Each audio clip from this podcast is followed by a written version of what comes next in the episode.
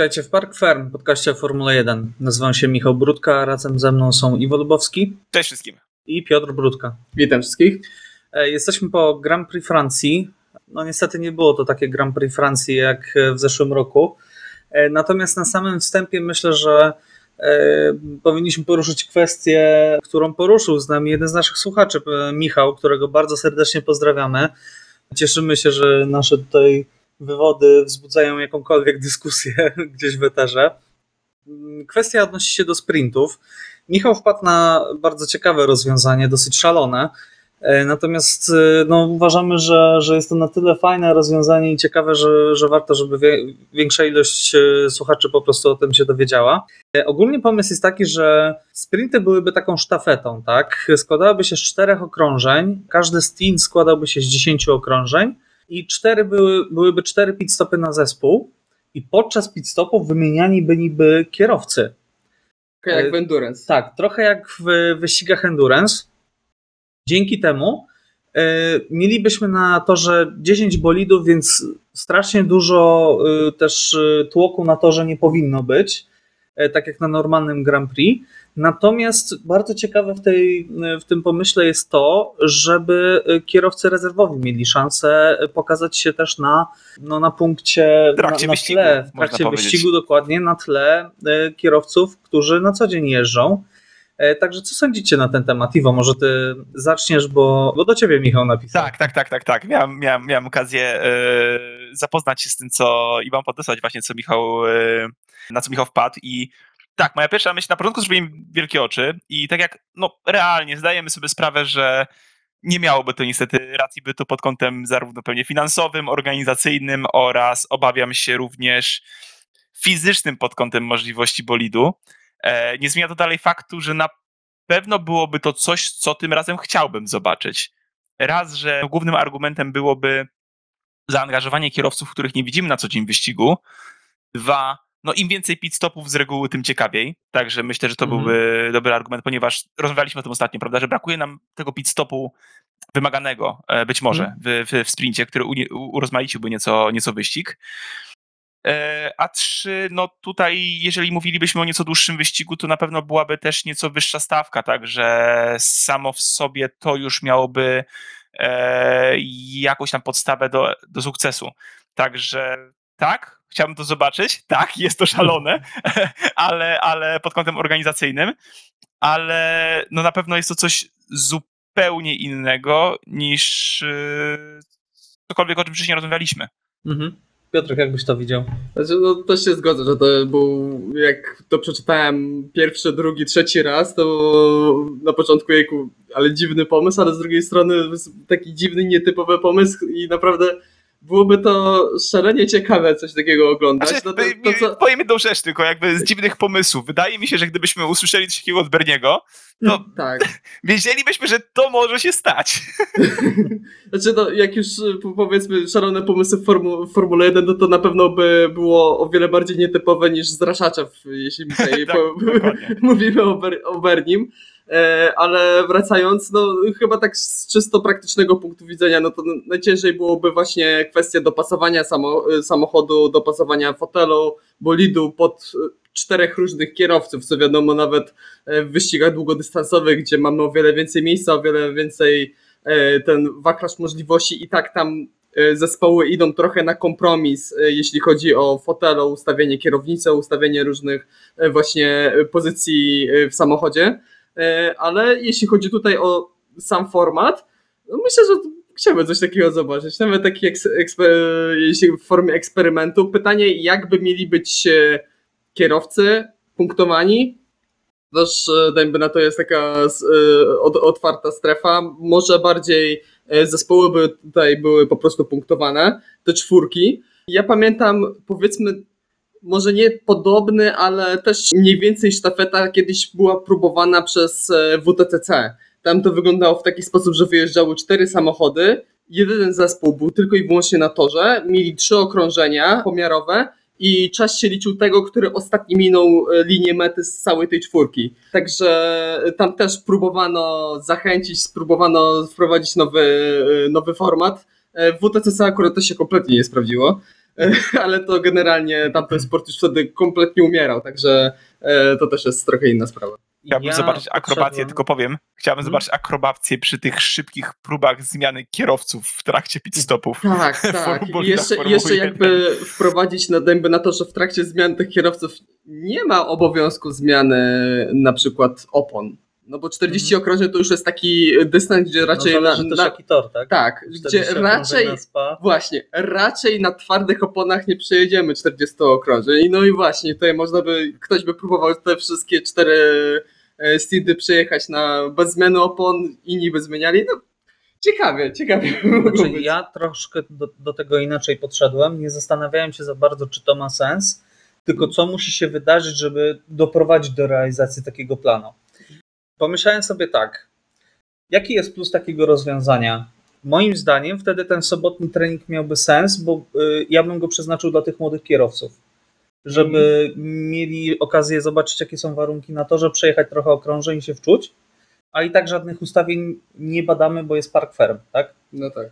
E, Natomiast e, pod względem technicznym ja bym e, sprawił, że zespoły używają dwóch bolidów. Wtedy nie ma dwóch wymian tych e, foteli, tylko jest jeden bolid, który jedzie, a w drugim mogą w tym czasie wymieniać przez te 10 okrążeń, może by dali radę po prostu wymienić siedzenie, tak żeby było dopasowane do kierowcy. Nie wiem, jak to wygląda y, od strony technicznej. Y, Na testach jednak mają dużo więcej czasu, bo zazwyczaj jest przerwa obiadowa wtedy. Natomiast 10 okrążeń to jest około 20 paru minut. Mechanicy Red Bulla na Węgrzech dwa lata temu byli w stanie zawieszenie praktycznie wymienić w 20 minut, także myślę, że byliby w stanie wymienić fotę dla innego kierowcy, tak? E, Także y, myślę, że jest to y, do zrobienia. Wtedy ten y, sobotni trening ma sens. Y, A dodatkowo nie liczyłbym punktów do klasyfikacji kierowców stricte, ale do konstruktorów jak najbardziej. Żeby zespoły też walczyły o coś, tak? Też e, do tej takiej praktycznej pod kątem właśnie dopasowania kierowcy, na przykład w wyścigach długodystansowych e, każdy z kierowców ma swoją wkładkę do fotelu, takiego uniwersalnego, po prostu każdy z nich ma swoją wkładkę, żeby bardziej komfortowo siedzieć w tym samochodzie. No i fakt, no też e, Motorsport widział takie rozwiązania, no najlepszym przykładem z takich nietypowych można też podać pierwsze sezony Formuły E i dwa bolidy dla jednego kierowcy w trakcie wyścigu, gdzie w trakcie wyścigu kierowcy zmieniali samochód, bo baterie jeszcze, technologia była na tyle nierozwinięta, że nie, e, samochody nie były w stanie przejechać dystansu wyścigu i trzeba było dwóch, A. bo, dwa bolidy na jeden samochód. Także Także bardzo ciekawe podejście, e, bardzo kreatywny e, pomysł, także, także dziękujemy Michał za, za to, że nam go przesłałeś i jeżeli wśród naszych słuchaczy jest ktoś, kto chciałby jeszcze rozwinąć ten temat albo wypowiedzieć się na jakiś inny temat, to zachęcamy jak najbardziej do, do kontaktu. E, Myślę, że najłatwiej będzie znaleźć się na Instagramie, bo jednak to jest teraz taki, takie miejsce, w którym e, no, łatwiej się po prostu znaleźć po samym e, tagu e, po samym niku, także jeżeli ktoś z Was chciałby do mnie e, napisać, myślę, że mogę tutaj być takim przedstawicielem naszego podcastu, to mój nick na Instagramie to jest Pan Bruder. Bardzo chętnie, umieszczę to oczywiście też w opisie odcinka, bardzo chętnie podzielimy się z Waszymi przemyśleniami na, na naszych łamach. E, Także myślę, że stawiamy kropkę i, i przechodzimy dalej do fantastycznego Grand Prix Francji, które po raz kolejny e, po prostu pokazało nam, e, w jaki fantastyczny sposób można e, spędzić niedzielne popołudnie walcząc z powiekami. E, Nie no, powiem wam tak, z jednej strony okej, to, był, to był nudny wyścig. Znaczy, jak na Grand Prix Francji nie było No tragedii. właśnie. jak rozpatrujemy ten wyścig w, w ramach Grand Prix Francji, to był znośny. Działo się trochę, było trochę manewrów, było trochę walki. W nietypowych miejscach jak na Francję, to się zgadza. Tak, dokładnie. Tym bardziej, że no znowu możemy pochwalić te nowe bolidy po tych zmianach. Już Mhm. dawno tego nie robiliśmy, także można to przypomnieć, że rzeczywiście e, w szczególności było, mieliśmy parę tutaj pojedynków w trzecim sektorze. E, No, w zeszłym roku nie, nie ma takiej opcji, e, żeby takie, e, żeby takie manewry miały miejsce, także tutaj naprawdę troszkę się działo. No, ale e, środkowa część wyścigu na dobrą sprawę, no, no nuda, no po prostu. Od momentu zjazdu, wypadku Charlesa Leclerca, Zjazd w bandę. zjazdu w bandę planu B w wykonaniu Cha- Charlesa Leclerca, no nie za wiele się działo niestety. No właśnie, z jednej strony tak pomyślałem, że okej, okay, niewiele się działo, ja się strasznie wynudziłem na tym wyścigu, ale z drugiej strony, czy to ja, ja już nie, nie zakładałem, że będę się nudzić. Yy, I tak pomyślałem, że gdyby przenieść tą akcję, która się wydarzyła, na jakiś inny tor, który ja na przykład lubię, na przykład SPA, to czy byśmy nie mówili, ale się działo, tutaj mamy, no to się, ten środek wyścigu trochę nudnawy, ale mieliśmy walkę o prowadzenie, gdzie Verstappen próbował podgryzać Leclerca i jechali w jednej sekundzie przez pierwsze e, no 15 okrążeń, tak? Mieliśmy przez dramat. Co, przez co nie widzieliśmy wielu innych pojedynków, bo tam widać było po tabeli tak. czasowej, że co chwilę tam się kierowcy tasowali gdzieś z tyłu.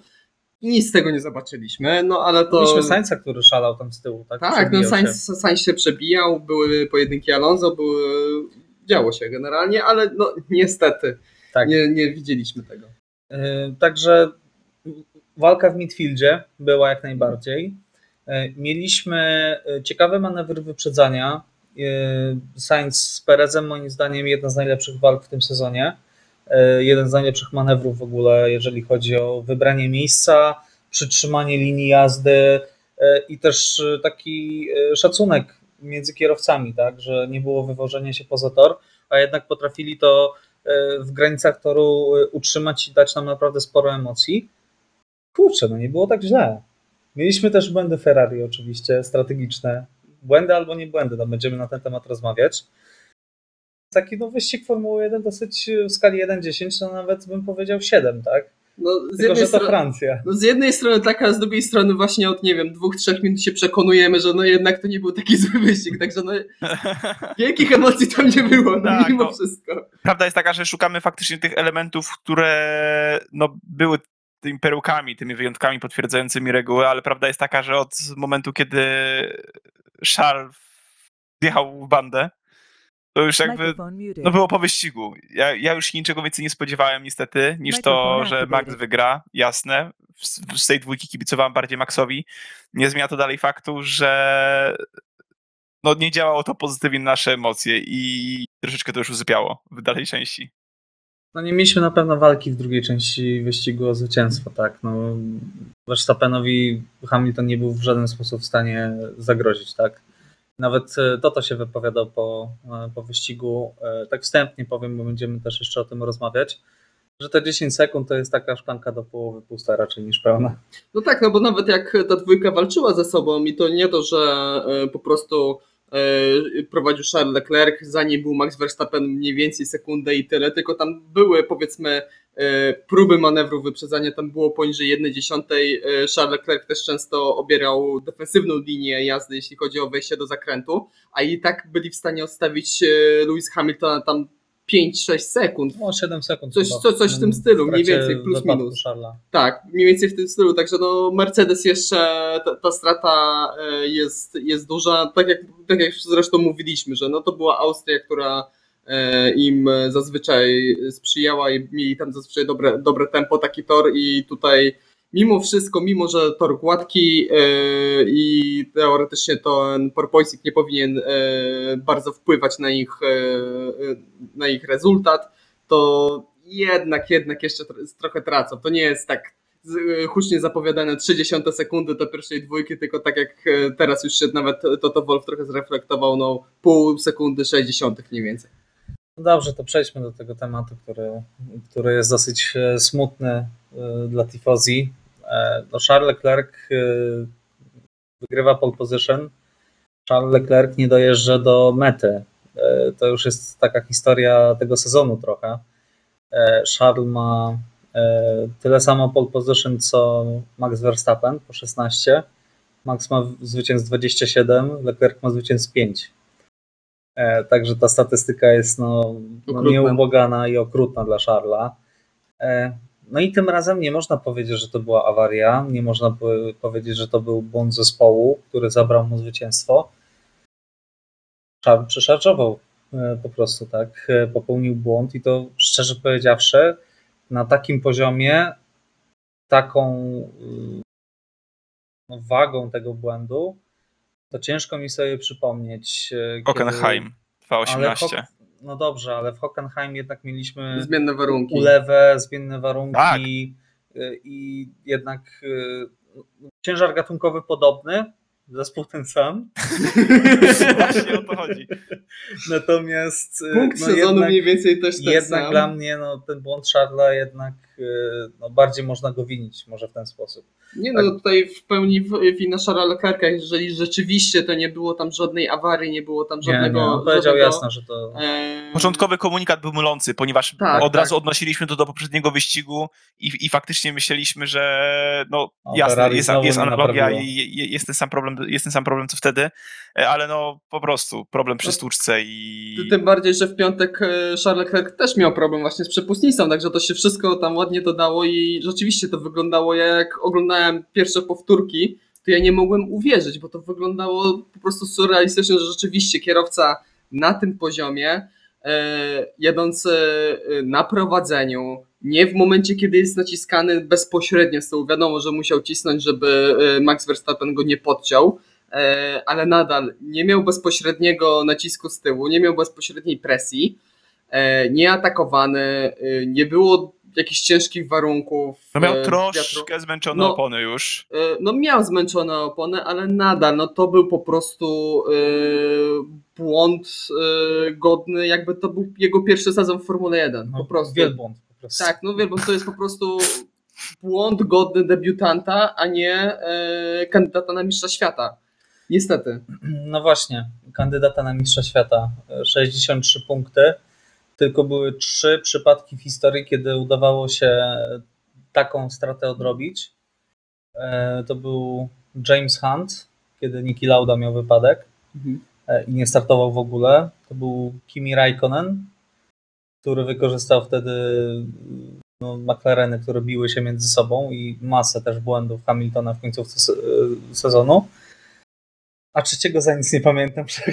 Sebastian, Sebastian Vettel, e, 43 punkty e, Mhm. straty e, w 2012 roku.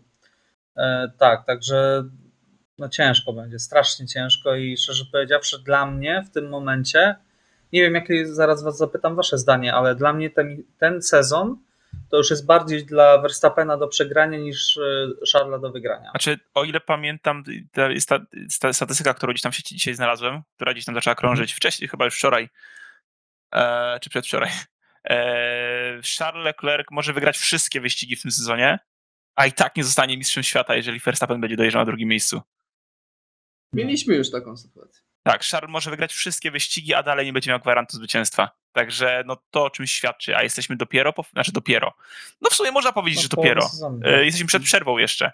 E, Także no tutaj Max wydaje mi się, że biorąc pod uwagę jego auto i ostatnią na szczęście już niezawodność Red Bulla, e, jak i swoje umiejętności, wydaje mi się, że może być już w miarę spokojny. No kwestia, czy Ferrari faktycznie dowiezie jakiś potężny pakiet i czy przede wszystkim będą, będzie popełniona mniejsza ilość błędów. Nie mówię to już No. o samym Charlesu, Ale... ale... Nie, no bo właśnie y, praktycznie wszystko tutaj y, jest na korzyść Maxa Verstappena, bo oczywiście są rówieśnikami, y, ale no, nie należy też zapominać, że Max Verstappen ma większe doświadczenie w Formule 1, ma więcej sezonów Cztery przejechanych. lata więcej. Dokładnie, także ma o Cztery wiele, czy trzy? y, o wiele, Trzy, przepraszam. tak, o wiele więcej doświadczenia. Ma już ten tytuł, także to też jest zupełnie inny e, No, rok temu mówiliśmy, czy Max Verstappen jest w stanie udźwignąć presję i popełnić głupich błędów, tak, żeby zdobyć tytuł. Dokładnie i udowodnił, że e, tych błędów nie popełnia, bo na dobrą sprawę ja sobie ostatnio chciałem po tym właśnie wyścigu przypomnieć, czy w zeszłym sezonie był jakiś taki bardzo duży błąd Maxa Verstappena w wyścigu. Ja przypominam sobie jedynie te kwalifikacje w Arabii Saudyjskiej i tyle. W wyścigu, kiedy była walka o e, punkty, no pomijając też Arabię Saudyjską, gdzie tam po prostu było e, e, Bomba za bombą. bomba za bombą i tam się już grubo działo, powiedzmy, w tej walce bezpośredniej, ale taki czysty, niewymuszony błąd, albo taki błąd, który e, można było uniknąć, przez co odpadł z wyścigu, Monza. Wypadek z Hamiltonem. Chyba to. Tak, tylko że właśnie... y, Rabini bardzo są podzieleni. Tak, tylko różnica polegała na tym, że przy okazji nie odważę się powiedzieć o Silverstone. To nie był błąd Verstappena. Ale nie, to co Piotrek mówi dokładnie. Chodzi o ten niewymuszony błąd, Tak. który powstał nie w wymuszonej walce, gdzie na przykład widzieliśmy Hamiltona na Imoli na przykład, prawda, wjeżdżającego w bandę rok temu. Też No, nie a w przypominamy tym sobie za dużo błędów. wjeżdżającego, obracającego się na szykanie na Imoli też. No właśnie, y, Tak, to, to, też, też do w tego chciałem y, nawiązać, że y, w kontrakcie mamy Charlesa Leclerca, który jest świetnym kierowcą, y, ale mamy połowę sezonu, a Charles już ma dwa niewymuszone błędy, gdzie stracił punkty. To jest, bo jakby popełnił błąd, nie wiem, coś w stylu no, y, Max Verstappen w Turcji. Też w zeszłym sezonie przy próbie wyprzedzania trochę przeszarżował, obróciło go, pojechał dalej, dojechał w punktach, wysokich punktach nic wielkiego się nie wydarzyło, a jak Max, a jak Charles Leclerc popełnia błąd, no to to już ma o wiele większe konsekwencje. To już mamy albo właśnie e, albo dojechanie na drugim miejscu, a w przypadku na Imoli właśnie skończyło się na szóstym miejscu. Jego największy rywal wygrywa. Tutaj wypada kompletnie z wyścigu, traci punkty, jego największy rywal wygrywa. I to jest największy problem tutaj dla Charlesa Leclerca. No tak, no, największym problemem Charlesa Leclerca jest to, że Verstappen jest absolutnie bezlitosnym w wykorzystywaniu każdej szansy, która się nadarzy, żeby dojechać z maksymalną liczbą punktów. No, na dobrą sprawę Verstappen no, tracił punkty przez albo przez y, awarię, y, albo przez y, kolizję, dobrze pamiętam? Miał taki jeden wyścig. Kurczę, ale mam zaćmienie w tym momencie. Gdzie nie dojechał na podium. Był chyba na.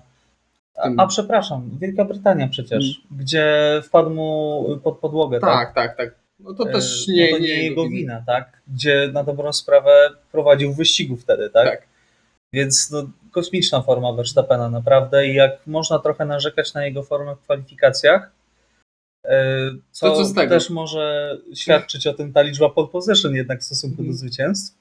E, Tak, no jak przychodzi niedziela, no to robi robotę po prostu. Tak, no, no to, to jest ta powiedzmy to, to, co różni Charlesa Leclerca i Maxa Verstappena na dobrą sprawę, przynajmniej w tym momencie, że Max Verstappen też pamiętamy, sam Max Verstappen się wielokrotnie wściekał, jak mu wypominano, ile już ma wyścigów, a e, że nadal nie ma pole position. On miał już bodajże 4 czy 5 wygranych wyścigów na koncie, a nadal nie miał pole position. Tak. E, a z drugiej strony mamy Charlesa Leclerca, który jest genialny w sobotnich czasówkach. Naprawdę to, co on potrafi zrobić na Mr. tym Saturday? ostatnim. No to jest Tak. Mr. Saturday. To, to, co on potrafi zrobić w sobotę na tym ostatnim przejeździe, on zawsze wyciągnie 2-3 na dobrą sprawę z kapelusza, e, ale nie jest tak skuteczny i nie jest tak e, bezlitosny w niedzielę, a w niedzielę są punkty. No dobrze, to ja zadam wam takie bardzo prowokacyjne pytanie. Mattia Binotto powiedział, że nie widzi powodu, dla którego nie są w stanie wygrać 10 kolejnych wyścigów. Zgadzacie się czy nie? Co może pójść nie tak? A, Poza to tym, że jest strasznie ciężkie, bo To nawet wiemy dobrze, że, że, możliwe jest 10 dubletów. że ten zespół ma potężny potencjał, ma ogromny potencjał, ma fenomenalnych kierowców, Ale- fenomenalne auto w tym roku też. fenomenalne Nie auto, ale się. dobrze widzieliśmy, już pomijam Charlesa, popełnił błąd, dobrze. Wiemy i tak, że jest świetnym kierowcą, ale widzieliśmy, do tego się przejdziemy, ale widzieliśmy, co się działo poza tym, jeżeli chodzi o pracę zespołu. Także Mattia Binotto naprawdę bardzo stupetem. Znaczy, no wiecie, no właśnie to różnie można podejść, bo pamię- pamiętajmy, że na dobrą sprawę do Imoli mówiliśmy, nie no, Ferrari ogarnęło się, Mhm, nie popełniają błędów, jest ten spokój, jest ta strategia, że to wszystko się tam zgadza. Jak nie oni, no wróciło do starego aktualnie, ale e, no, ja myślę, że z dziesięcioma dubletami i tutaj z wygrywaniem do końca praktycznie sezonu, no to Mattia tutaj przeszarżował. E, Ja kompletnie w ogóle też nie ogarniam wypowiedzi Mattii Binotto, który właśnie mniej więcej e, blisko po Imoli mówił, że nie, no ten sezon to my jeszcze do końca nie walczymy o tytuł, że to w przyszłym roku. To było bardziej w kontekście tych niezawodności Piotrek, mam wrażenie.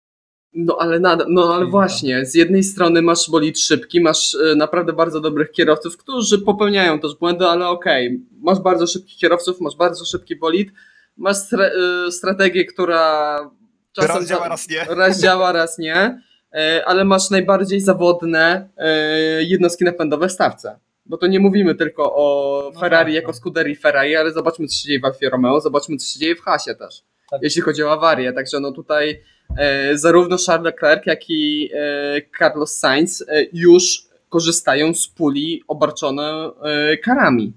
A wątpię, żeby przez następne 11 wyścigów do końca sezonu sobie dojechali na tych jednostkach napędowych. Tam będą kolejne wymiany potrzebne, kolejne startowania z końca stawki. Także no nie wiem, jak Mattia Binotto chce e, do, dowieść dublet e, w momencie, w którym jeden z jego kierowców będzie startował z końca stawki. Dobra, inaczej.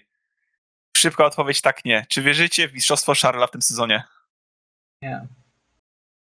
Tak. To, to, to, to może się wydarzyć. To, to jest na to szansa. Znaczy, I to, to, jest, wiesz, nie powiem jak wygranie w Totka, ale y, no, bardzo mała, dużo rzeczy musiałoby się wydarzyć, tak? tak.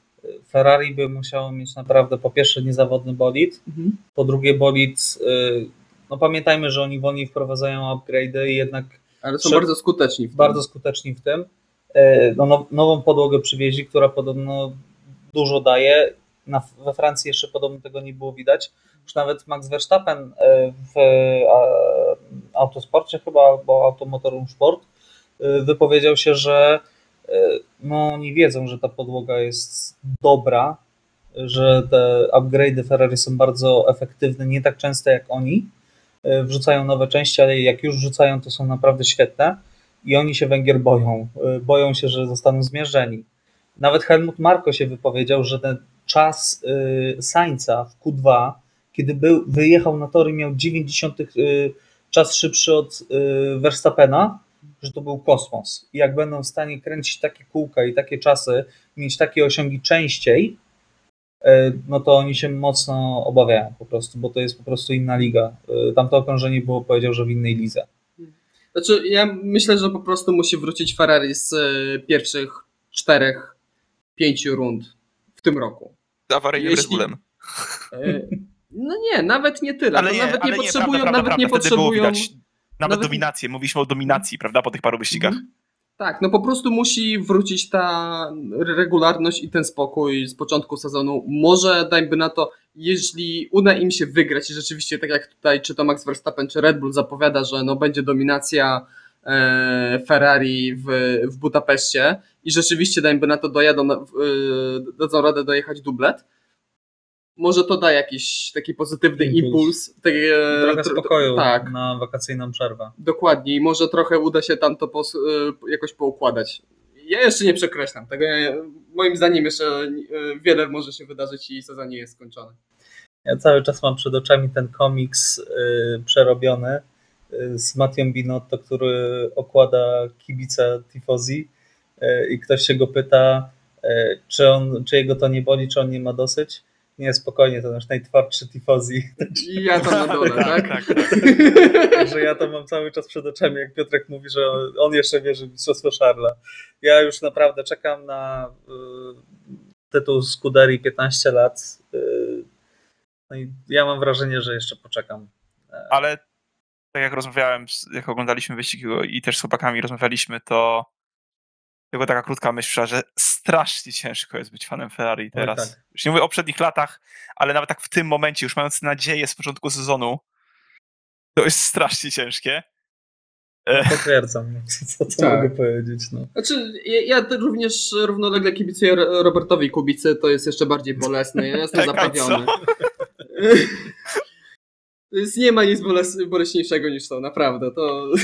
Dobrze, już myślałem, że, już myślałem, że masz jakieś, ja- ja- jakąś matematykę utworzoną z szansami na powrót, ale no myślisz, że dlaczego mówiliśmy o tych sprintach? Kto by jeździł wtedy? Kierowca, Robert. Tak, dokładnie. E, Dobrze, e, to porozmawiajmy jeszcze o strategii dla Sańca. E, Czy Ferrari zawaliło, waszym zdaniem? Bo oni się trochę tłumaczyli, że nie wiadomo było, czy te opony nie spadną z klifu. Gdyby nie było kary dla Sańca, tej pięciosekundowej, to pewnie by go zostawili na torze. Natomiast e, i tak oni uważają, że i tak nie wyrobiliby tych pięciu sekund przewagi. E, no i woleli po prostu dojechać bezpiecznie na, na nowych, świeżych oponach do mety i zgarnąć punkt za najlepsze okrążenie, zabrać Verstappenowi. i dojechać na tym piątym miejscu, niż po prostu ryzykować w końcówce wyścigu, liczyć na to, że no, Carlos nadrobi 5 sekund nad, nad Perezem i, i Russellem. Jakie jest wasze zdanie? Hmm. Ja się zgadzam z decyzją zespołu. To gdzieś od razu zwróciłem uwagę, też jak oglądaliśmy, że, że to jest czas, żeby Sainz zjechał na ten pit stop i uważam, że jest to słuszna decyzja. Przede wszystkim patrząc, jak wyglądał ten, e, patrzę, mam, układam sobie w głowie replay, e, prawy przód, prawy przód, e, jak wyglądało kierowców. E, I no, nie powiem, że nie miał nic do stracenia, no bo jednak mógł walczyć o podium w dalszym ciągu ale no było to ryzyko. Tutaj tak naprawdę sytuacja, szansa była taka 50-50, a bezpieczniejszą sytuacją moim zdaniem był zjazd na pit stop. E, więc e, ja osobiście popieram tę decyzję. Piotrek? Znaczy, ja myślę, że ja się nie zgadzam do końca tutaj z decyzją Ferrari, no bo e, moim zdaniem powinni zaryzykować. No, będzie miał decydujący głos, tak powiem. E, e, I zostawić dłużej Carlosa Sainza. Oczywiście nie wiadomo, też jest bardzo, bardzo duże prawdopodobieństwo, że te opony by spadły z klifu i rzeczywiście Carlos nie byłby w stanie wypracować tych sekund, 5 sekund, a raczej wypracować pewnie byłby w stanie wypracować, a raczej nie byłby w stanie utrzymać tej, tej przewagi 5 sekund, żeby skończyć wyścig na podium. E, ale jednocześnie uważam, że jeśli chcieli zabrać e, to kółko najszybsze Maxowi Verstappenowi, to mogli po prostu ten pit stop zrobić później. Najzwyczajniej w świecie pali, zrobić że, później. Że po prostu zużyją za bardzo opony i nie złapią jakiegoś kapcia. Bo jednak przejechał no, 20 parę okrążeń już wtedy. Na. A wiesz jakie warunki były, tak był upał. Tak, właśnie, znaczy, dokładnie o to mi chodzi. No jasno, no, mogli zaryzykować, mogło się to skończyć naprawdę, tak jak mówicie, no, kapciem. Myślę, jakbyśmy zjechali Ferrari, gdyby złapali kapcia. Ale... No to strategia. no tak, no, znaczy nawet jak nie do końca się... Przepraszam, że ci mhm. przerwę, gdyby poczekali te dwa, trzy okrążenia, to by na VSC wyjechali, zjechali i by mniej czasu stracili ale nie mogli też tego przewidzieć. No nie, ale to jest podejmujesz ryzyko. Podejmujesz pewne ryzyko w trakcie wyścigu właśnie. Ile razy widzieliśmy w tym sporcie, że ktoś czekał bardzo długo na to, żeby mimo, że tracił jakby na to po sekundę na okrążeniu, czy nawet dłużej, właśnie licząc na y, czy to wirtu- samochód bezpieczeństwa zwykły, czy wirtualny. w Kanadzie. Na przykład, no nie zawsze to, to ryzyko się popłaca, no ale cza, czasem tutaj się, uda, się udaje to zrobić, także no E, mogli poczekać. Nie jest, nawet jeżeli ja się nie zgadzam z tą decyzją, to bym nie, nie uważał, że to jest jakaś tragiczna decyzja Ferrari. Myślę, że też mhm. tutaj większość kibiców już trochę e, zbyt emocjonalnie podeszło i jest zbyt wyczulona na te, na te błędne decyzje strategiczne Ferrari, bo e, taki kaliber błędu, o ile to w ogóle był błąd, bo to też... E, bo ja teraz też aż przerwę, ja w ogóle nie rozumiem, skąd było uniesienie pod kątem tego pitstopu. Ja na przykład do tej pory nie rozumiem, jak to w ogóle można było potraktować jako błąd. Znaczy ja myślę, że taki, taki całokształt, bo... Y, na komunikaty radiowe. Komunikaty radiowe, tak. A to tak, nie, to, to, to, to, to, to, to jest inny temat. wyprzedzającego To jest inny temat. I słyszy, tak. zjeżdżaj, zjeżdżaj do pitstop. To już swoją drogą. Tak, e, to oczywiście, że tamten e, e, ten komunikat inżyniera był wcześniej, bo jak byli koło w koło, to byli w granicach zakrętu numer 14. Komunikat, sam inżynier wyścigowy Carlosa Sainza się wypowiedział w swoją obronę, że ten komunikat, który usłyszeliśmy, był w okolicach zakrętu numer 10, także dosyć wcześniej. E, kiedy jeszcze nie byli koło w koło, no ale nadal, no to on już był blisko, to bo mówimy, że e, jak Carlos Sainz był w strefie DRS za, e, za Sergio Perezem, to pod, została podjęta ta decyzja, także no nie do końca rozumiem, a poza tym też na powiedzmy tak, żeby szpilkę wbić inżynierowi wyścigowemu Carlos, Carlosa Sainza, no to w Formule 1 nie mamy 5-sekundowych stop and go. No. Oj tak. No to, to jest kolejny taki obraz po prostu w Ferrari, tak? Tak, no. Gdzie kierowca go poprawia na temat kar po prostu, które są. Znaczy tak, moim zdaniem to ma naprawdę wpływ, no bo jak masz decyzje, z którymi się nie do końca zgadzasz, masz momenty, w których musisz kolejny już wyścig na dobrą sprawę w przypadku Carlosa Sainza sugerować zespołowi inną strategię, e, przymuszać nawet zespół do jakiejś strategii, którą ty w samochodzie w trakcie jazdy wymyślasz i jeszcze słyszysz, że twój inżynier myli się, jaką karę dostajesz i mówi ci kara, która, która w ogóle nie istnieje, no to tracisz zaufanie do tego No zespołu w ogóle wszystko. zjechałby na tą karę i by po prostu wyjechał po tych pięciu sekundach, tak? No bo na stop and go nie można Tak. wymieniać opon, tylko trzeba jeszcze raz jechać, jeżeli chcesz odbyć pit stop. To już w ogóle to by była tragedia. tak. Tragedia. No, szukałem innego, innego określenia, ale się nie da. E, No dobrze, no może nie pasmy się już nad Ferrari. E, Przejdźmy do, do Mercedesa, natomiast e, zacznijmy od Sergio Pereza, bo miał bardzo kiepski weekend Sergio. W kwalifikacjach co prawda był bardzo blisko Maxa, natomiast no w, niedzielę, kompletnie brakowało mu tempa. E, No i wiem, że Iwo bardzo chce porozmawiać na temat e, manewru George'a Russella, e, który miał ogromne tutaj zastrzeżenia do Sergio Pereza. Jak ty to Iwo widziałeś? Bo doszło do kontaktu, Perez pojechał na dobrą sprawę później prosto, a George no, miał ogromny. Ja szczerze powiedziawszy, George uchodzi za takiego no, No jest PR-ową trochę, maszynką PR-ową mercedesowską. maszynką, a tam po prostu no, zakotłowało się konkretnie, że aż to to go musiał e, przywołać do porządku. Tak. To też dawno nie widzieliśmy. O, ostatni raz tak wzburzonego George'a, Russella widzieliśmy na Imoli, kiedy zdarzył się z e, Walterim Bottasem. No, ale to No tam doszło do minąć, Tak? No, jego wina tam była. No, no inna sprawa, że to była jego wina, ale wzburzony mógł być po, po takim e, wypadku. Iwo, jak ty to widzisz? Tak, znaczy emocje zawsze się pojawiają, znaczy punkt widzenia Microphone zawsze zależy od punktu siedzenia. Kierowcy w swoich bolidach teraz nie widzą za dużo, więc jakby cień zrozumienia jak najbardziej jest. Ale, ale, y, no wszyscy dobrze widzieliśmy i myśl, wydaje mi się, że się ze mną zgodzicie tutaj, że no George Russell nie miał prawa do tego zakrętu, bo wydaje mi się, że on próbował podejść do tego bardzo podręcznikowo przez co się też wykłócał, przez co musiał zostać uciszony, żeby skupić się na wyścigu. Ponieważ kilkukrotnie powtarzał, że jego przednie koło zrównało się z tylnym kołem Sergio Pereza, dlatego ma bezwarunkowe prawo do zakrętu.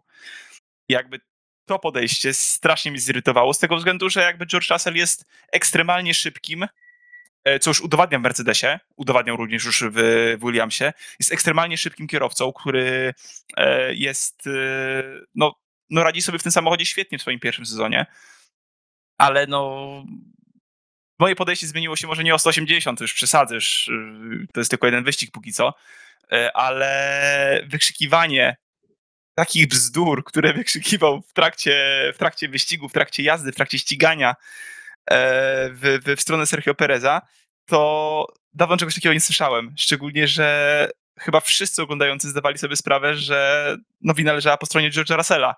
I tutaj tak bez totalnie żadnych dwóch zdań. Eee, ponieważ no, to George wypchnął Pereza z toru. Oczywiście, jeżeli ktoś ma inne zdanie, zapraszamy do kontaktu, z chęcią przedyskutujemy w kolejnym odcinku. E, ale tak zupełnie szczerze mówiąc, no nie wydaje mi się, że nie wydaje mi się, żeby takie wykłócanie się w trakcie wyścigu było rozsądne, szczególnie jeżeli próbuje się dalej walczyć o pozycję, którą ostatecznie George Russell e, zdobył, ale to też przez e, można powiedzieć usterkę techniczną na torze.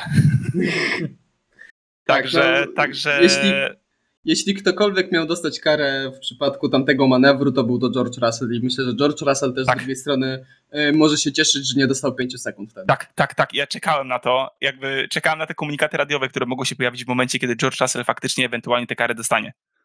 Bo to był manewr w stylu F1 Online Lobby y, od, w grze Codemasters. To, to No tam często tak po jeżdżą. Tak, skrajnie optymistycznie. To naprawdę świat w, w różowych okularach, bo wtedy się załączył George'owi. I też e, to, że Toto Wolf musiał go uspokajać i powiedzieć mu, żeby, e, żeby pochylił głowę i skupił się na jeżdżeniu, no też, e, też trochę no, jest taką, powiedzmy, zadrą na to, tak jak już powiedzieliśmy, na tym imidżu George'a Russella, który też już przez niektórych e, fanów jest e, przezywany PR63. E, e, także, no, To cała Było to- to- seria tweetów, tak? e, Tak. Z George'em Russellem, gdzie tam się włączyli wszyscy po prostu w Formule 1. i Ryanair. Ryanair. nawet, tak. George Russell to fa- facet, który e, po lądowaniu, tak? Tak, dokładnie. Także cała nitka Twitterowa Tak. na tym powstała. E, No ale jeśli chodzi o sam, samą jazdę, no to i generalnie Mercedesa, no to bardzo do- dobry weekend, bardzo dobre, dobre rezultaty. No po W raz... treningach trzeba przyznać, że oni tam nie odnajdywali się kompletnie. Mhm. W kwalifikacjach też e, No były problemy, żeby problemy, Q3. do Q3 wejść, tak? A w wyścigu, no widać, że Mercedes po prostu właśnie ciężko powiedzieć, bo w Austrii przecież byli super szybcy w Mm. kwalifikacjach, ale wolni w wyścigu, tak? Tutaj wolni jak na Mercedesa. No. Ale cały czas widzimy, że dwa samochody są tam, Tak. gdzie powinny być, prawda? Tak, Gdzieś dokładnie. cały czas w okolicach E, podium i cały czas niezawodnie. E, Gratulacje do Luisa. e, No, 300 wyścig jubileuszowy. Najlepszy miejsce. wynik w sezonie, drugie miejsce. Hmm. No już te, też tam czytałem różne komentarze, że no gościu, jedziesz po prostu za nimi i czekasz aż, aż Ferrari odpadnie, tak? Z recepta na drugie miejsce. No tak, no ale przy okazji też tutaj pokonał Sergio Pereza, utrzymał Sergio Pereza Tak. z tyłu, y, miał lepsze tempo niż, niż Czeko, także No, lepiej tutaj, startował od niego. y, także tutaj y, duże brawa dla Luisa. Zwłaszcza, że jechał bez y, wody w bidonie. A to jest y, w ogóle... W y, takich warunkach. On nie, on nie jedyny. Lando Norris na przykład też jechał. Mhm. Y, To, co też jest powiedzmy y, tematem, którym mogłaby się z, y, zainteresować FIA, bo wielu kierowców jeździ w tym sezonie bez bidonów, bez wody, ze względu na, y, Wagę. na wagę samochodu. One powinny być obowiązkowe i wliczone, jakby zawsze. Tak, tak. Nie rozumiem, dlaczego tak nie jest. No jest... No też w jakimś stopniu są kwestie bezpieczeństwa, tak? No, Zwłaszcza w takich warunkach. No. Tak, ale już No, widzimy, ta, ta jak... woda i tak już jest tam. Rządek jest w takich warunkach po kilku okrążeniach. ale mokre. Nadal, tak. Dokładnie. Tak, dokładnie. Także no, e, wraca, wracając, no Mercedes jest mistrzem w maksymalizowaniu rezultatów. I to po raz kolejny pokazuje. E, No, naprawdę fantastycznie sobie radzą, świetny wyścig, no i korzystają na tym, że inni, e, inni popełniają błędy, inni mają przygody, inni mają jakieś awarie. Także Tak. duże, duże brawa. A też trzeba przyznać, że Luis miał czwarty weekend rzędu, gdzie był zarówno szybszy w kwalifikacjach, jak i w wyścigu. Odżył. Generalnie widać, Odżył, widać, tak. widać że odżył. Pomijając Austrię w kwalifikacjach, bo tam e, rozbił się szybciej od Russella. Także, także naprawdę odżył i już ma, mówiliśmy, że tam prawie dwa razy mniej, w pewnym momencie prawie dwa razy mniej punktów miał od George'a. Teraz już George 143 punkty, by the way, jeden punkt za Carlosem Sainzem, też bardzo dużo mówi, e, i 16 punktów tylko za nim Lewis Hamilton, tak? E, Także mm, no w konstruktorach Mercedes też 43 punkty za Ferrari. No, to jest do zrobienia, zdecydowanie. No, Mm. Także Ferrari musi, musi zdecydowanie uważać. Przy aktualnej formie Ferrari, tak, to jest do zrobienia, żeby Mercedes skończył ten sezon na e, No drugim jak miejscu. będą dalej tak jeździć, tak, bo jeszcze Mm. awarii żadnej nie mieli. Nie jest to może najszybszy bolid w stawce, ale na pewno najbardziej równy, że tak powiem, tak, i Mm. niezawodny. No dobrze, to e, chyba postawimy kropkę tutaj, bo się konkretnie rozgadaliśmy jak zwykle na temat e, trzech najlepszych zespołów, a jeszcze w Formule 1 mamy siedem kolejnych. E, Też warto by kilka słów co najmniej zamienić. Fernando Alonso, morderca opon przeciwnika. Chciałem zacząć od Okona. Nie, nie, o konie też porozmawiamy, natomiast Fernando Alonso, morderca opon przeciwników, Nando po raz kolejny, ja nie wiem, czy on sobie tak przygotowuje po prostu te teksty przed każdym weekendem, a w ten weekend przykozaczę tym, e, a w ten weekend e, wymyślę to i tak dalej, czy on sobie tak knuje po prostu. E, Nie, to tak, z tym, z tym się trzeba urodzić, mi się wydaje, że nie, co, chyba każdy z nas zna taką osobę, którą, która ma takie cięte riposty na, Tak. na końcu języka i często nimi rzuca. Fernando Alonso jest jedną z takich osób chyba po prostu. e, no, dla tych osób, które nie za bardzo pamiętają albo nie oglądały tak uważnie wyścigu, przysnęły, e, tak, e, inżynier Fernando Alonso poprosił go, w ogóle Alpin świetne tempo w ten weekend, naprawdę. McLaren nie miał podejścia do nich, co jest potwierdzeniem tego, co Alonso powiedział w rozmowie z inżynierem. Inżynier prosi go, żeby więcej dołożył od siebie w trzecim sektorze, żeby więcej przewagi mieć w strefach DRS nad, nad McLarenem, nad Lando Norrisem.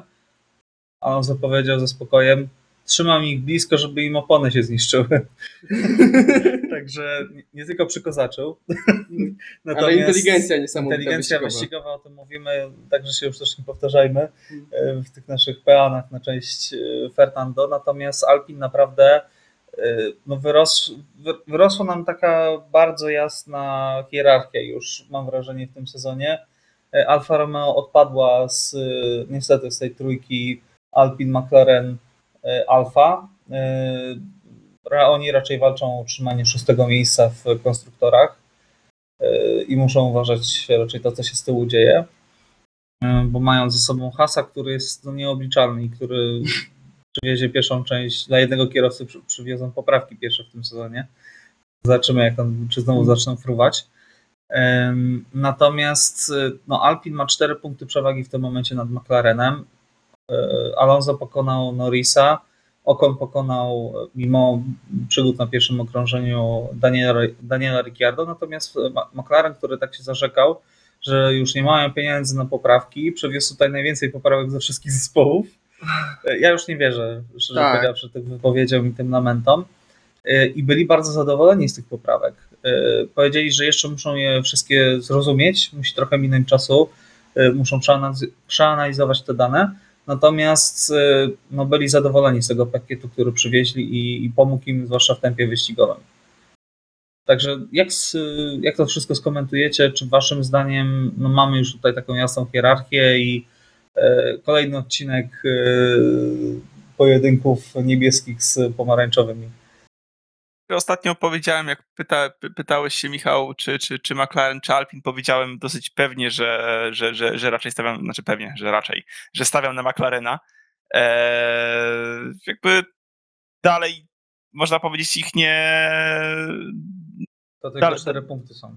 Tak, są tylko cztery punkty, więc tutaj zdania nie będę zmieniać, e, ponieważ e, dalej mają świetnych kierowców, no przede wszystkim Lando Norrisa, ale Alpin no, robi e, potwornie dobre wrażenie w tym sezonie, jeżeli chodzi o, o, o progres, jaki poczynili względem poprzedniego. E, No i co ciekawe, co jest najważniejsze, co widzimy już od kilku wyścigów, e, w końcu wzrost e, formy, formy. E, też trzeba było mieć trochę szczęścia, ponieważ Fernando Alonso też miał, też miał pecha wcześniej, e, ale widzimy przede wszystkim potężne wzrosty u Fernando Alonso, co, co cieszy, bo tak jak mówię, personalnie jest to kierowca, którego fanem nie jestem tak. Zacząłem bardzo lubić oglądać go na torze. No, y, Fernando powiedział, że mogą dojeżdżać na szóstym miejscu, kiedy e, no, nie ma po prostu reszta, pro- nie, nie ma problemów w Alpin, bo jednak e, w ostatnich wyścigach to jakieś niedokończone koło, to błędna strategia, Tak, tak. To jakaś awaria się tam przydarzyła. Tak, to takie best of the rest można powiedzieć w tym momencie. Trochę tak, trochę tak. tabeli, i, w, I w tabeli konstruktorów, i, i, i, i w wyścigu poprzednim, w sensie we Francji. Także Tak, no wydaje mi się że po prostu, że Alpin jest tutaj też, e, no tak jak mówicie, najmocniejszy tutaj poza tą top 3, także ja się bardzo cieszę, że postawiłem na Alpin tutaj e, na ostatnim podcaście. To może być jedna z niewielu sytuacji, w którym postawiłem, postawiłem dobrze. Za to punktów nie przyznajemy, przypominam. No, no oczywiście, dlatego dobrze postawiłem teraz. E, Ale jeśli chodzi o e, tutaj McLarena, no to ja, jestem, ja się czuję oszukany, bo e, mieli być, miało nie być poprawek, e, bo było aż 7 nowych części. E, pozwij ich. Wszystko, dosłownie wszystko tam było pozmieniane przez skrzydła, podłogę. Tylko Ricardo nie wymienili na dobrą sprawę. tak, no możliwe, Wow. że to no, bolesne. E, tak, także wydaje mi się, że Alpin naprawdę jest bardzo mocny. Jeżeli, e, jeśli chodzi o tą niezawodność, to myślę, że właśnie na przestrzeni ostatnich paru rund to e, znacznie się poprawiło, Tak. bo na początku sezonu jeden z samochodów, a zazwyczaj to było niestety samochód Fernando, coś się tam złego działo. E, a tutaj e, ta niezawodność wygląda o wiele lepiej. No a wiadomo, Fernando Alonso jest świetnym kierowcą, nie będę się powtarzał i rozpływał na ten temat po raz setny, a Esteban Ocon jest bardzo regularnym kierowcą, który, co też widać po, po tabeli punktowej, że e, potrafi dowozić bardzo solidne punkty cały Esteban czas. praktycznie. Rzemieślnik Okon po prostu. Taki bardzo, bardzo równy i w odróżnieniu od Nico Hulkenberga wygrał wyścig. Lepsza wersja Nico Hulkenberga. Tak, dokładnie, upgrade. E, No dobrze, przejdźmy dalej, bo e, jest dosyć ciekawy temat. E, Yuki Tsunoda został właśnie przez Estebana Ocona zezłomowany kompletnie na pierwszym okrążeniu. Yuki mówił, że mógł walczyć o pierwszą ósemkę. Alpin przywiozło, nie Alpin, przepraszam, Alfa Tauri. Alfa Tauri, tak, przywiozło nowe części w końcu, na które tak długo czekali. Mm, W kwalifikacjach nie przyniosło jeszcze to jakichś wielkich efektów, natomiast e, no, Tsunoda mówił, że miał tempo na, na pierwszą ósemkę i mógł powalczyć zdecydowanie o punkty.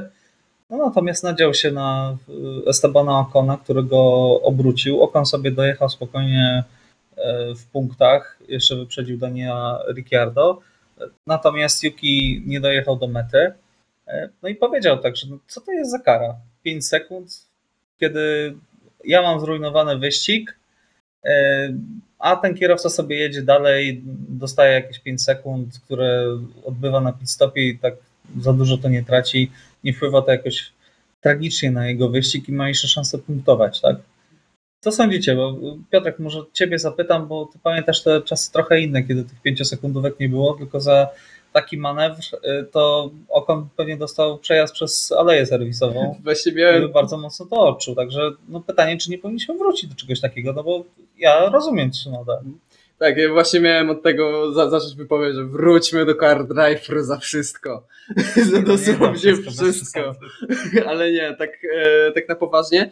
Myślę, że muszą się tutaj sędziowie nad tym e, zastanowić, no bo to nie jest tylko przykład właśnie e, Tsunody i Okona. Mamy też e, w Austrii przykład e, George'a Russella i Sergio Pereza, gdzie dla Pereza to się skończył praktycznie ten wyścig. Mamy przykład z zeszłego roku Louisa Hamiltona i e, Maxa Verstappena na Silverstone, Gdzie wygrał wyścig? gdzie wygrał wyścig. kary. Dokładnie, także wydaje mi się, że y, ja wiem, że y, sędziowie i FIA będą się tłumaczyli, że oni rozpatrują sam incydent, a nie rozpatrują skutków incydentu, Dokładnie. myślę, że powinni trochę zmienić to i powinni albo raczej e, może nie tyle analizować e, to, co się wydarzy, e, jak to wpływa na wyścig e, pokrzywdzonego, jak bardzo to wpływa na wyścig pokrzywdzonego w stylu, że no dobra, on stracił tutaj 20 sekund albo 30 sekund, ale w momencie, w którym e, powodujesz kolizję i ten, ta pokrzywdzona strona traci panowanie nad samochodem i nie wiem, obraca się, wylatuje z toru, cokolwiek, no to ta kara powinna być e, proporcjonalnie większa. O nie, pięciu- gdy w życiu. 5-sekundowe albo 10, a raczej 10-sekundowe kary dla mnie powinny być w momencie, w którym, nie wiem, wypchniesz kogoś za tor, ale Zyskasz pozycję. zyskasz pozycję w nieregularny sposób, albo zetniesz tor, albo y, wywalisz kogoś za tor w taki sposób, że nie wiem, że on nie straci kontroli nad samochodem, no ale zyskujesz pozycję. No to wtedy taka kara, a jeśli kogoś obracasz, dla mnie drive-thru. Po prostu drive-thru. No bo ten, y, ta, ta osoba traci bardzo dużo, a ty co, no 5 sekund i tak bardzo nie wpływa to na twój wyścig. Iwo, przeczuwam, Tak. że masz inne Znaczy ja mam jakby, dla mnie, dla mnie jest to sytuacja o tyle prosta, że kiedy mamy powiedzmy dwie takie same sytuacje, e, dwóch kierowców e, jedzie ze sobą i w sytuacji A, a jest delikatne, delikatne zderzenie, delikatny ruch kierownicą i kierowca traci pozycję, traci półtorej sekundy, bo, bo, bo, bo musiał wjechać na trawę. E, w drugiej sytuacji dos- kierowca, który zawinił, robi dokładnie taką samą rzecz, czyli lekko ruszy kierownicą, bo, bo powiedzmy stracił troszeczkę panowanie, e, uderzył drugiego kierowcę, który tracił panowanie bardziej i wpadł w bandę. Y, Nie ma możliwości, żeby były różne kary. To kara musi być dokładnie taka sama. Nie możemy karać w różny sposób za ten sam incydent. Nie ma takiej, nie ma, to nie może mieć miejsca, dojdzie do patologii w tym sporcie. Nie, To ma, ma, nie. masz rację, tutaj, tutaj, tutaj się To obawiam się, że- obawiam się, obawiam się, że doszłoby do, znaczy, To, to, można, dlaczego tak mówię? Dlaczego tak mówię? Yy, bo ocy, to można wiadomo, nadużywać totalnie strasznie. amatorsko, totalnie amatorsko, ale oceniałem chyba już, można powiedzieć, setki incydentów w sim racingowych i właśnie zawsze, zawsze, zawsze był powrót do tego tematu i można znaleźć bardzo dużo dziwnych porównań, odniesień do, do, do wyścigów historycznych, do danego jednego konkretnego sezonu, gdzie faktycznie możemy zobaczyć dwa takie same incydenty e, o bardzo różnych skutkach i może dojść do dużej niesprawiedliwości faktycznie, kiedy, kiedy inaczej ocenimy kierowcę mm, tylko i wyłącznie dlatego, że drugi kierowca nie był w stanie zapanować nad swoim autem. Jasne, nie możemy obwiniać ofiary w tym przypadku, to rozumiem, ale też nie możemy inaczej oceniać e, tego samego rodzaju incydentu. Natomiast zgadzam się, że taryfikator kar ogólnie mógłby być zwiększony o te 5 sekund przy tego typu incydentach, które widzieliśmy ostatnio z Jukim. Tak, no bo na przykład, e, tutaj się z tobą zgodzę, bo na przykład e, no, kara drive-thru to w Formule 1 aktualnie praktycznie wymarła. Tak. Ona w ogóle nie jest przyznawana. To y, karę drive-thru się dostaje za jakieś przewinienie dziwne na dobrą sprawę, które wydaje mi się, że po prostu zapomnieli zmienić. Y, tego jest jakieś stare zaszłość i po prostu dlatego nie zostało zmienione to. A teraz za no, naprawdę mocne incydenty, za mocne przewinienia, za wypychanie kogoś albo za, nie wiem, wjechanie w kogoś na prostej czasem, e, się dostaje 10 sekund na przykład. No to... Kiedyś dostawało się oprócz jeszcze kar drive-thru, to jeszcze często dowalali ci 10, 10 pozycji do tyłu na następnym. Tak, to był dla mnie tak? szok, jak oglądałem, nie, może nie tyle powtórki, co highlighty właśnie, e, co, co highlighty same starszych wyścigów i pisałem do was, o co tutaj chodzi z tymi karami. Każdy delikatny kontakt kończył się jakimś stop and go, drive-thru, czy, czymkolwiek, co teraz jest no, e, no, nie do pomyślenia. Na jakąś linię chyba na Węgrzech, to mu też dali drive-thru. Tak. No co, za, za linię wyjazdu z, tak. z, z alei serwisowej, leciutko yy, najechał drive-thru. Dziękuję, do widzenia.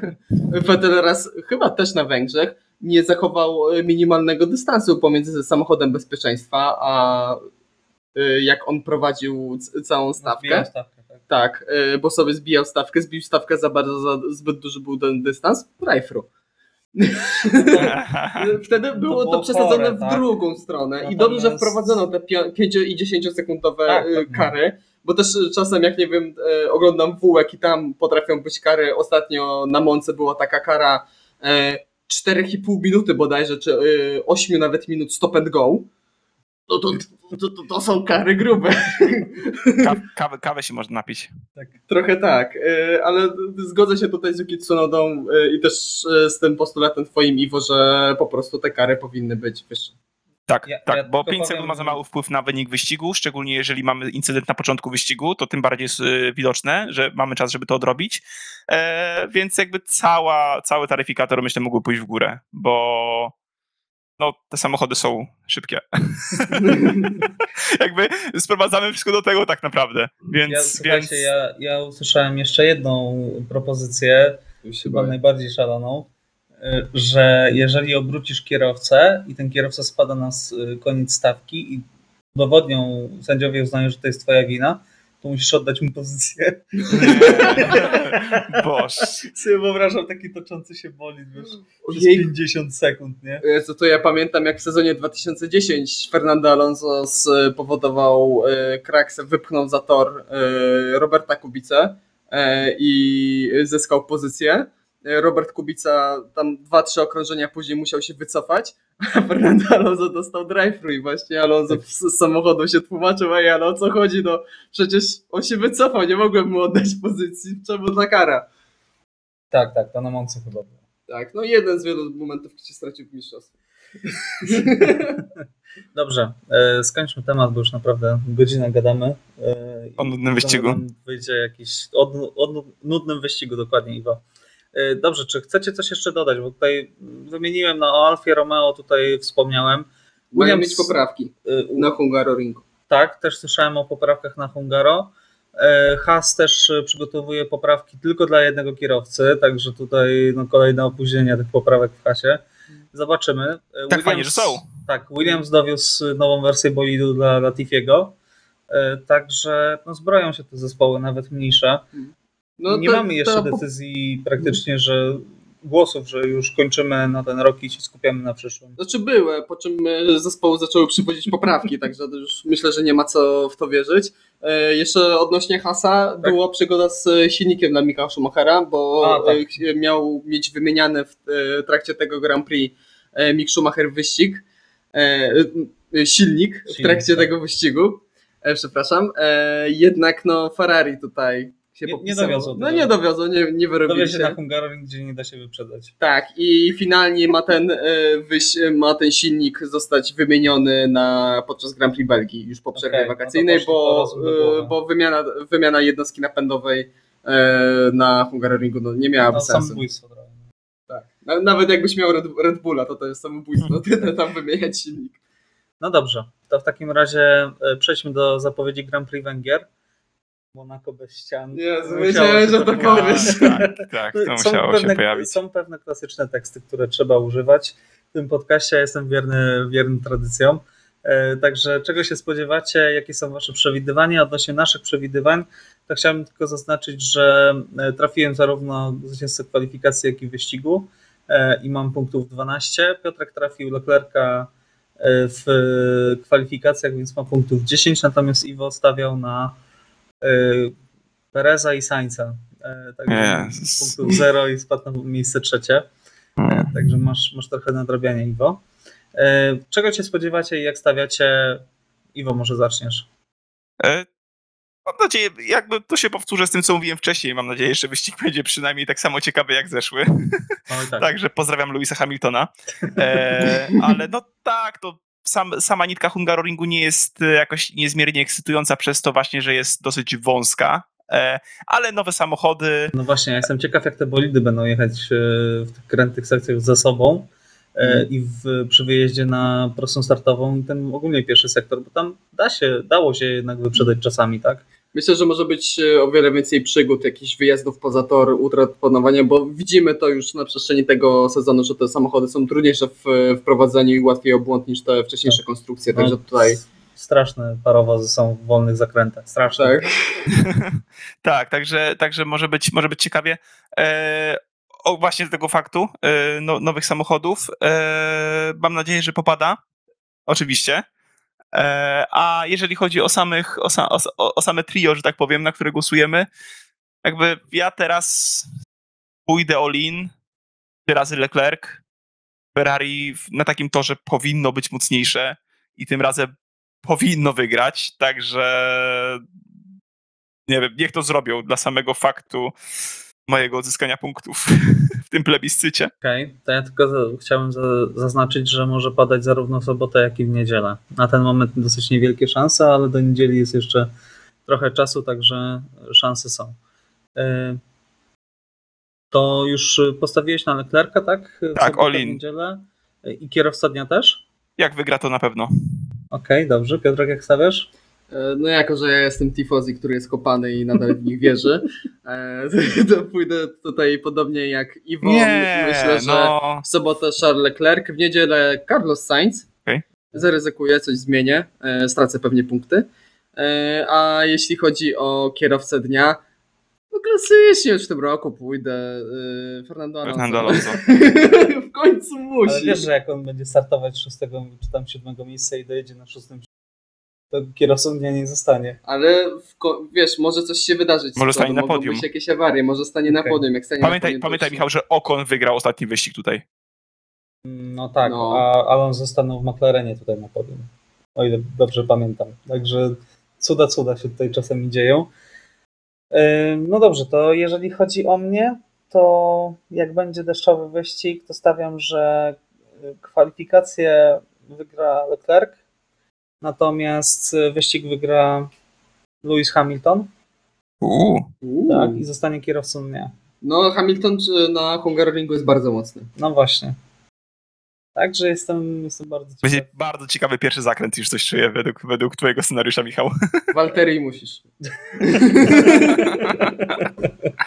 Dobrze, także e, będziemy powoli kończyć. E, Dziękujemy Wam za e, uwagę w tym wyścigu.